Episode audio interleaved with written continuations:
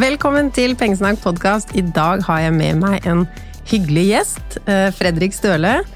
Han har jeg kjent en god stund, i hvert fall sånn eh, på internett. Men nå har vi møtt hverandre noen ganger live også. Han er opptatt av sparing og kutte kostnader, og han er opptatt av økonomisk uavhengighet. Mye av det jeg er opptatt av. Og hei, Fredrik. Velkommen i podkasten. Tusen takk, tusen takk. Det her er veldig stas. Ja. Jeg, jeg veit jo hvem du er, men de som hører på, kan du gi oss noen sånne knagger? Hva jobber du med? Hvor bor du? Noen sånne Oi. eh, personlige info om Fredrik. ja, eh, kort fortalt, jeg er født i Trondheim, jeg bor i Fredrikstad. Eh, halvt norsk, halvt nepalsk. Eh, jobber som byggingeniør på, på dagtid, og så jobber jeg som svømmetrener på kveldstid. Og ellers så bare dyrker jeg fritidsinteresser her og der. Og nå har økonomi blitt en av dem. Um, men du har jo alltid vært opptatt av en god økonomi, har du ikke det? Eh, Egentlig ikke. Så ta oss med til starten. Har du hatt en slags oppvåkning? Har du vært en sløsete fyr? Eller fikk du plutselig mål og mening med pengebruken som du ikke hadde hatt før? Eller? Jeg har, vært, eh, jeg har nok alltid vært ganske sparsom, men aldri brydd meg mer om økonomi så som så. Eh, Det har liksom vært mer sånn at eh, Egentlig en slags latskapgreie òg. For det var sånn eh, Jo mindre jeg bruker, jo mindre trenger jeg å tjene, så da kan jeg gå mindre på jobb, var jo egentlig innstillinga da jeg var liten. Og så, med, tida Jeg tror det store skiftet kom jo egentlig i den primærjobben jeg har nå. Og så var det en periode jeg var innom innkjøpsavdelinga. Uh, og så da handler det jo mye om handling og sparing og så videre. Så tenkte jeg liksom, for å lære meg det her ordentlig, kan ikke jeg bare sette meg og bite i surepler og lære meg det hjemme òg, da. Så kan jeg liksom begynne å relatere Med privatøkonomien din? Ja. Ja. For at eh, jeg syns jo alltid tall har vært gøy. Jeg har elska matte, men jeg har jo egentlig ikke likt økonomi. Eh, men eh, når jeg satte meg inn i det, så ble det jo bare mer matte, og da ble jeg jo glad i det etter hvert. For du elsker jo Excel-ark. Ja. Å sette opp og se økonomien visuelt, og sette mål og tracke egentlig alt. ja. Hva gir det deg? Eh, veldig glede. altså, jeg sitter jo på søndag og lørdagskveld og sitter med et eller annet ark eller sånt. da.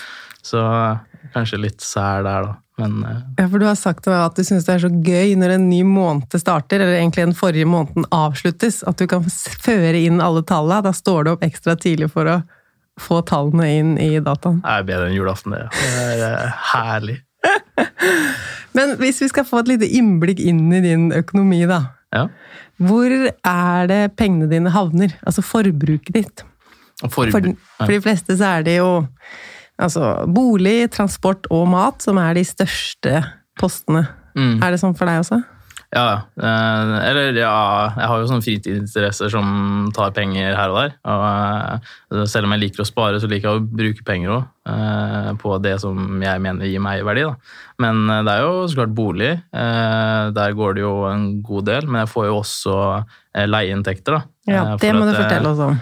Jeg bor, eh, Akkurat nå så leier jo familien min hos meg, for at foreldrene mine pusser opp sin bolig. og Så midlertidig så bor de hos meg, da. og da får jeg en eh, leieinntekt der. da. Så, så hvis du bare ser på utgifter, så er jo hus en stor ting. Men pga. at jeg eier huset, så har jeg også en leieinntekt. Så liksom, den pleier å gå Nå går den jo ganske i null da pga. strømmen, men eh, ellers så pleier den å være positiv. da. Så du eier et stort hus. Hvor gammel er du? Jeg er 28 år. Og det har du eid ganske lenge. Jeg eide en stund nå, det er vel tre år kanskje, noe sånt. Det skal jo sies at jeg var veldig heldig da, som kunne fått et så, så godt tilbud, for jeg kjøpte jo av foreldrene mine igjen. Eh, Som nå leier hos deg igjen. Ja. Så, okay. så en ganske sammensveisa familie, da, for å si det sånn. Eh, Men jeg hadde jo egentlig tenkt å flytte ut, for, jeg, for drømmen min fra studietida og alt sånt var jo liksom jeg skal rett tilbake til Trondheim, og der skal jeg bo.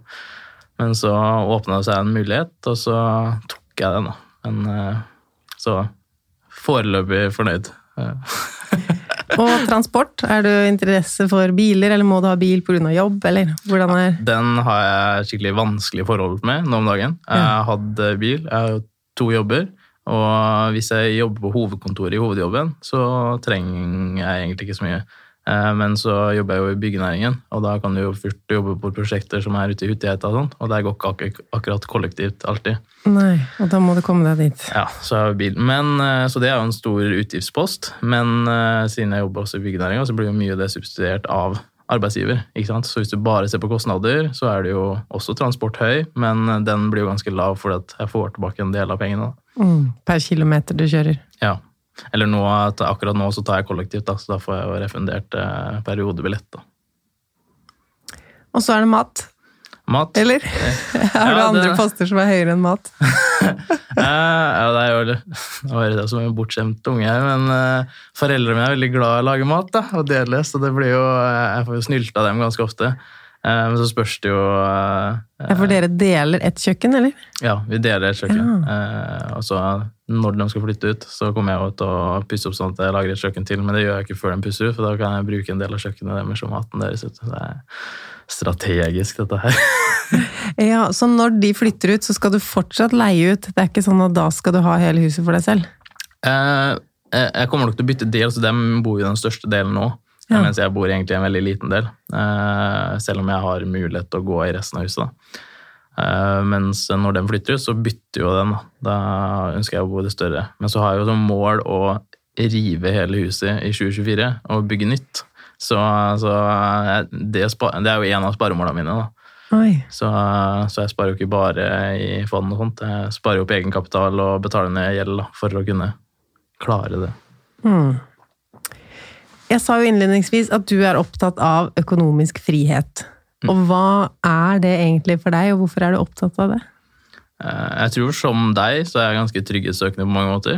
Eh, Og jeg syns det er veldig behagelig å liksom kunne kjenne at eh, altså Bare sånn som når man gikk inn i covid-situasjonen, så husker jeg det, det var mye permittering og sånt, og så så jeg mye stress i andre. Og det kan hende at jeg kanskje ikke brydde meg altfor mye akkurat der. For det var veldig sært, for at du følte en så god trygghet. da. Altså, jeg, jeg var veldig bevisst på at eh, jeg kunne leve så og så lenge på altså Hvis jeg skulle leve sånn som jeg hadde i dag, så kunne jeg levd i ett og et halvt år. Og hvis jeg liksom skulle For det har du i Excel-arka dine. ja. Så jeg skal alltid Jeg har noe som jeg også eh, kaller for essensielt liv, eller levekost. Og det er liksom sånn eh, mm, Og det er ikke sånn å leve på havregrøt, det er bare hva er det laveste jeg kan leve på, hvor jeg også anerkjenner at jeg lever godt. da. Men da er det ikke sånn at jeg overforbruker på noe. Det er bare det her er det jeg har for et ok liv. Og den ønsker jeg nesten alltid av kapital for tre år. da. Så, eh, så jeg kan søke jobb ganske lenge, da. Men du ble ikke permittert? Jo, jeg ble, men eh, Og så fikk jeg jo jobb tilbake, og sånn, men det var, det var jo ikke så stress. Og så var jo også, tror jeg arbeidsgivere også hadde lyst til å ha meg tilbake, og det er jo veldig hyggelig, det. da. Men da var det også veldig sært, for da ytra jeg meg også at eh, jeg anbefalte arbeidsgiver å ta andre som sliter mer, før meg. Eh, Og det hadde du ikke kunnet gjort hvis du ikke hadde den oversikten over økonomien og den oppsparinga. så da tok jeg det heller som bare mulighet til å puste litt, og det, det var greit, det. Men så var jeg tilbake til jobb, og det er koselig, det òg. Men når det gjelder økonomisk uavhengighet, eller FIRE, eh, det er jo ikke sikkert alle har hørt om det, så kan du fortelle oss litt hva det er? Hele konseptet?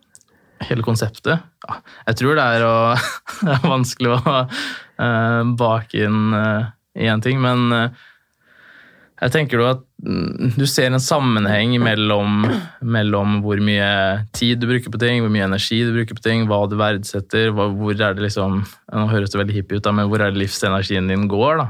Altså at du sammenligner ting. Eh, Det blir jo ofte bakt inn i den 4 %-regelen, som er en pekepinn, som er veldig grei, men jeg synes det, det er jo bare et lite verktøy i hele FIRE-bevegelsen. For det handler jo om å ha muligheten til å ikke måtte jobbe for penger. Ja. Eller eh, jobbe så mye du vil, da. Ikke sant? Det, det, ikke ha det behovet. Men ikke for pengene. Ja, ikke for pengene sine del, da. Mm. Og du mener jo kanskje ikke at FIRE er for alle, men at alle har nytte av å sette seg inn i det tankegodset. Ja, det spørs jo hva du mener med FIRE, men jeg, jeg, skjønner hva du mener. Men det at alle ikke har behov for å oppnå FIRE, det, det er jeg, jeg er helt åpen for. Men eh, liksom det tankesystemet, da. ikke sant? Det er samme som du driver med minimalisme, ikke sant? Og, og jeg har ikke jeg har ikke behovet for å bli minimalist, men jeg tror det er veldig mange konsepter innen minimalisme som gir verdi i mitt liv. Og, og på samme tenker jeg med FIRE, da, at det er mange konsepter innenfor bevegelsen som er veldig bra for folk. da. Ja, det må tenke gjennom alle ting at Tilfører det her noe, eller er det bare noe som tapper meg uten å Ja, det er mange ting der. Men hvor, eh, hvor fant du ut av dette, eller hvordan begynte du? Litt for lenge netter oppe på YouTube og så masse rare På YouTube, ja. Det var før eh, Pengesnakk Lise var på YouTube, da. Men eh, Ja, det er ganske Så- nytt. Eh, For de som er interesserte, så har faktisk jeg og Fredrik laga en YouTube-video sammen, hvor vi snakker litt om FIRE og litt rundt det i fordommene rundt FIRE, og ting som vi ikke er enige i, da. For det er jo ikke sånn at FIRE handler om bare sånne som har tjener masse penger og kan eh, bare si hasta la vista til alt som heter eh, vanlig liv med jobb og forpliktelser. Det, det ligger så mye mer i det, da. Og det er eh, Ja, jeg er enig med deg at det er verdifullt å vite mer om, for det kan heve livskvaliteten, også uten at man akkurat sparer seg til det målet. Men har du et sånt FIRE-tall? For det er jo veldig sånn populært i bevegelsen at hvilke tall, altså hvor mye må du ha investert før du kan si at nå er jeg fri? ja, altså hvis jeg skulle hatt det i dag, så er det vel, eh, vel 5,2, tror jeg. Eller et eller annet. Men nå må jeg jo gjøre om litt pga. de nye skattereglene som kommer inn i 2022. Men, men, eh, ja. men det er jo også fordi at de må klare å håndtere gjelda mi. Eh? Hvis jeg ikke hadde hatt gjeld, så hadde jeg hatt mye lavere behov. Um, og det er også interessant da, hvis du oppnår FIRE mens du har gjeld, så vil du jo for hver måned egentlig ha mer og mer penger å rutte med. For de pengene du kunne ha brukt på gjeld, da, trenger du ikke å binde opp i gjeld mer, så du får, blir jo mer og mer fri. Og hva er det med denne friheten som er så forlokkende for deg? Eh, altså, jeg ser jo bare FIRE som et delmål av veldig mye, ikke som et sånn ultimat mål å oppnå. Så, så Men, men det, det blir kanskje som en slags tillatelse til å gjøre eh, absolutt hva Eller bruke så mye tid du vil på absolutt hva du vil, da. Eh, Det er jo ikke sånn at jeg har lyst eh, til å slutte å jobbe. Tvert imot. Jeg har lyst til å jobbe på de prosjektene jeg føler mest givende. da. Du ser jo at det er så mange folk som brenner for frivillighet, og mange som ønsker å, å bidra til samfunnet, som egentlig ikke gir GDP til, til Norge. da, sant? Men du kan ikke si at de ikke gir et verdi til samfunnet. Og forestille at de kunne brukt all sin tid og energi på det de er faktisk er gode på, og ikke måtte da streve et annet sted. og sånt da. Jeg tror det er sånne ting. da. Det, det syns jeg virker veldig spennende. da. Og hvordan har du sånn praktisk sett eh, rigga deg for det her med økonomien? Er du en sånn som har mange kontoer, og alt er liksom dedikerte til Altså, er budsjett en stor del av din eh, styring av penger? Nå smiler du stort her, Fredrik. Ja, men Budsjett er et tema, er det ikke det, Lise? Jo, jeg er jo ikke en som fører budsjett, eh, men så mener Fredrik at siden jeg planlegger pengebruken min til en viss grad, så er det budsjett. Altså, definisjonen på budsjett er vel bare at du har en anelse om et eller annet form for inntekt og anelse for et eller annet form for utgift. Da er det budsjett. Du har kanskje et lyst og et uoversiktlighet, men du har et budsjett. Ja, men når man snakker om budsjett, så tenker jeg mer sånn 2000 kroner til klær, 4000 kroner til mat. Den type budsjett fører ikke jeg. Gjør du det? Uh, ja, men jeg føler meg ikke det, det er jo et slags estimat. Det er ikke sånn at jeg føler meg innen rammene. Hvis det liksom jeg, jeg estimerer 2000, og så Nei, nå kan jeg ikke bruke 100 kroner mer, liksom. Jeg binder meg aldri sånn. Og det er mye løsere enn som så. Jeg har eh, Vanligvis kan det være sånn ja, det, det spørs på hvor mye utgifter jeg har i forhold til reise, da. Men uh, la oss si jeg har 5000 kroner som jeg kan bruke til forbruk. Der er det. Det trenger ikke være mat, det trenger ikke være klær, bare forbruk. Du skal dra kortet på 5000, ikke sant? Uh, og så er jeg også Jeg bruker jo ordet buffer litt annerledes enn kanskje folk uh, flest bruker, da. Ja, og det kan være nyttig å fortelle om det. Ja, fordi det er jo det som gjør at forbruket ikke trenger å være så detaljert, f.eks.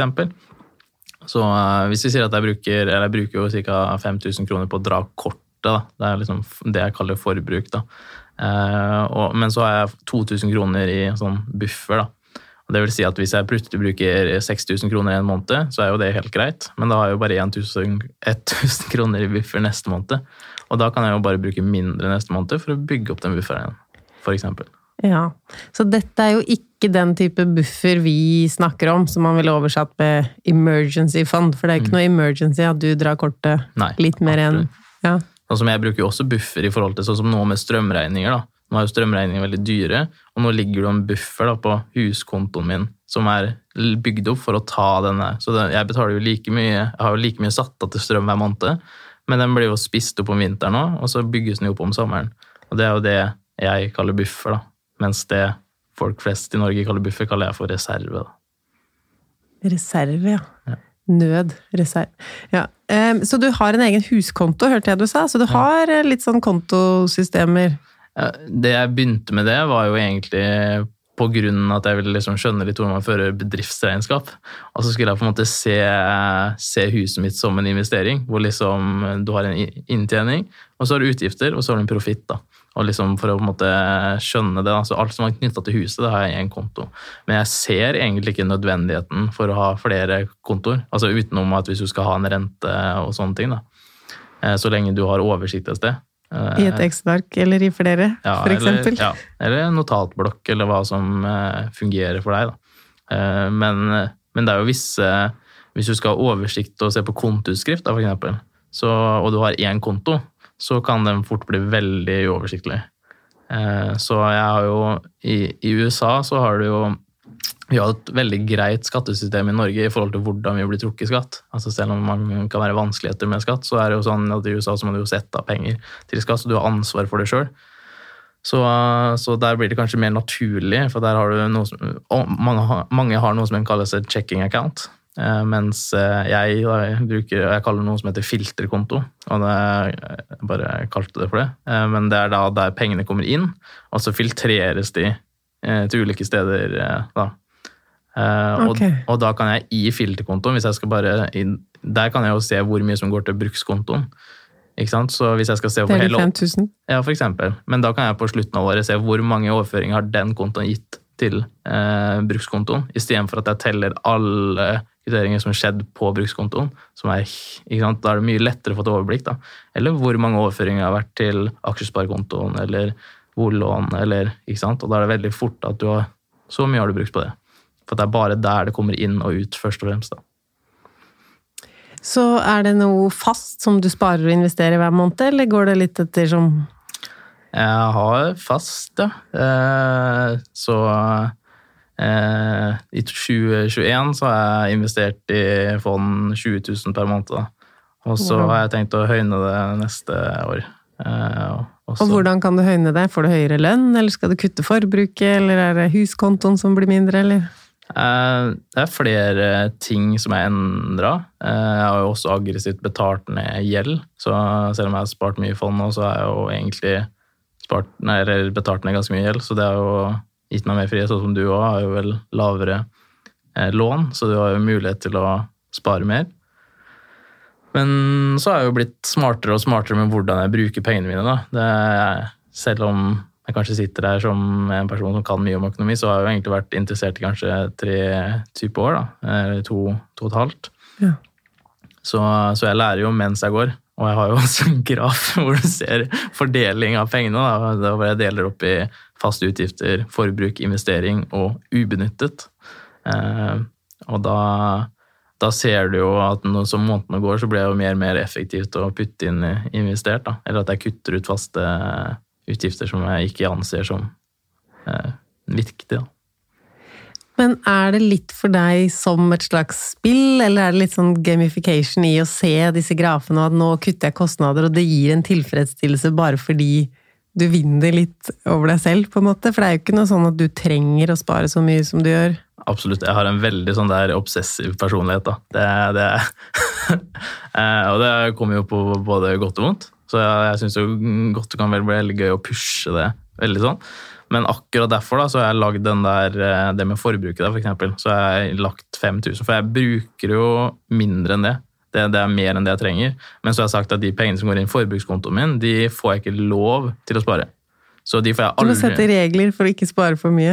Ja, men, men da blir det et nytt spill. For da blir, da, da blir spillet hvordan kan jeg få mest verdi ut av disse pengene. Ja, Og det syns jeg er veldig morsomt. da. Så, så hva er det jeg kan gjøre med disse pengene? Kan jeg gi en gave til noen? Kan jeg spandere noe? Kan jeg kjøpe meg noe nytt? Kan jeg... Og, og da blir det jo egentlig det med å være økonomisk smart òg, men målet er ikke å spare mest, det er om å gjøre å få mest verdi ut av pengene. Så sånn gjør jeg det, da. Kult.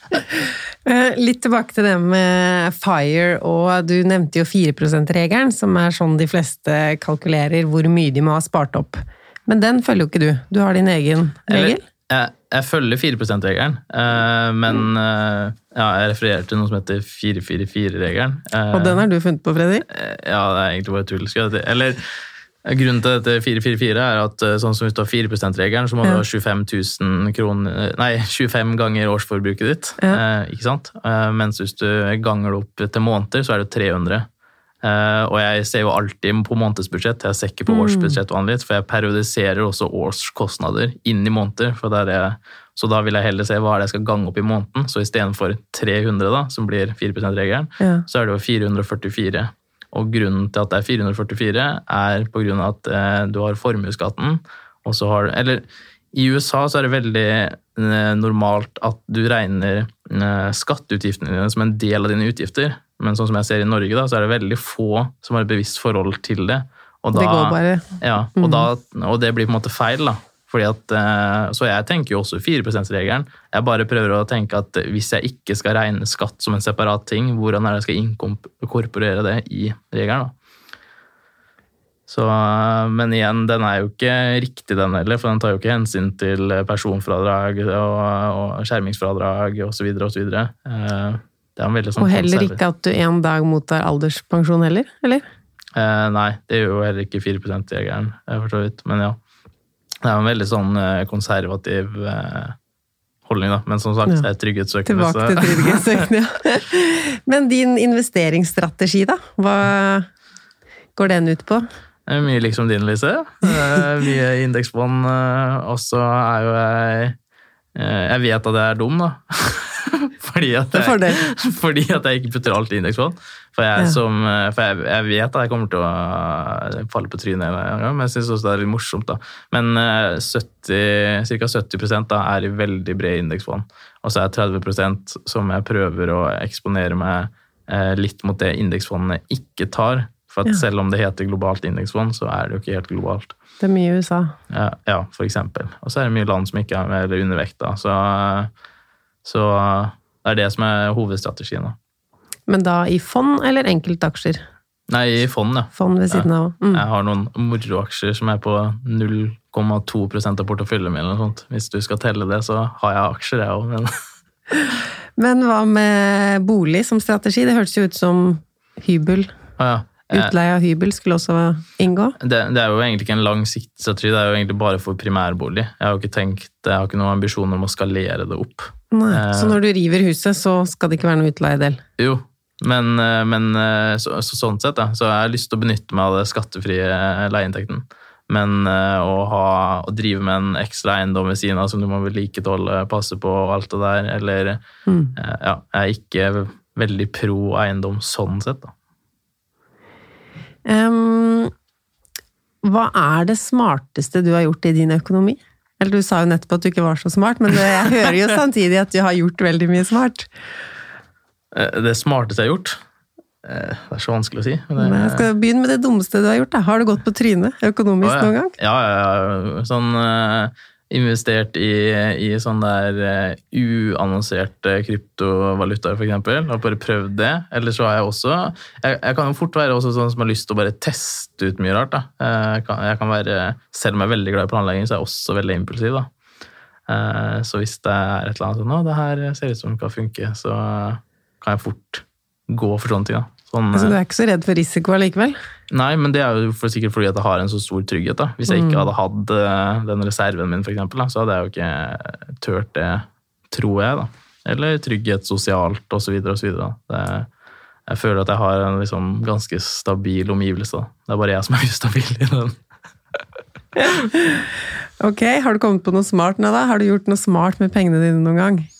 Kanskje noe du vil eh, anbefale andre å gjøre òg? Eksempel eh, med det Excel-arket ditt, da. La oss snakke om det først. Eh, Du sier at du får mye ut av det, men tenker du at hvis jeg hadde putta alle mine tall, forbruk og sparing og sånn inn i dine Excel-ark, hadde jeg fått noe verdifull innsikt som jeg ikke sitter på i dag? Eller er det mer sånn det er din hobby? Jeg sier jo i slutten av videoen jeg lager, ofte at kunnskap er jo bare nyttig hvis du gjør noe med det. ikke sant? Og, og samme er det jo med data òg. Hvis, hvis du sitter med et Excel-ark og fører inn og ikke bruker det til noe, så har det jo null verdi. Mens, eh, så det spørs jo helt på handlingen i etterkant, ikke, ikke på at du selve har, har Excel-arket. Uh, og jeg føler at jeg får veldig mye verdi. Da. Jeg får veldig fort eh, perspektiv på hvor er det det går mest. For at uh, Ofte så har jo også eh, folk tendenser til å, å se på den 20% som ikke har så mye å si, men den 80% som virkelig svir, den, den rører ikke. Og det kan hende at de ikke er bevisst over det. da. Så du har jo Ofte så blander man også budsjettering og kostkontroll, men det er jo to forskjellige ting, egentlig. Eh, Så det er jo viktig å se på begge deler. Og kostkontrollen er jo den som ser om du ligger i budsjettet, ikke sant. Ja, det er det jeg sier. Og at budsjettet er egentlig ingenting hvis du ikke fører regnskap eller følger med underveis. Og med dataen fra kostkontrollen så kan du begynne å lage prognoser og se fremover. Da. Og det syns jeg er spennende.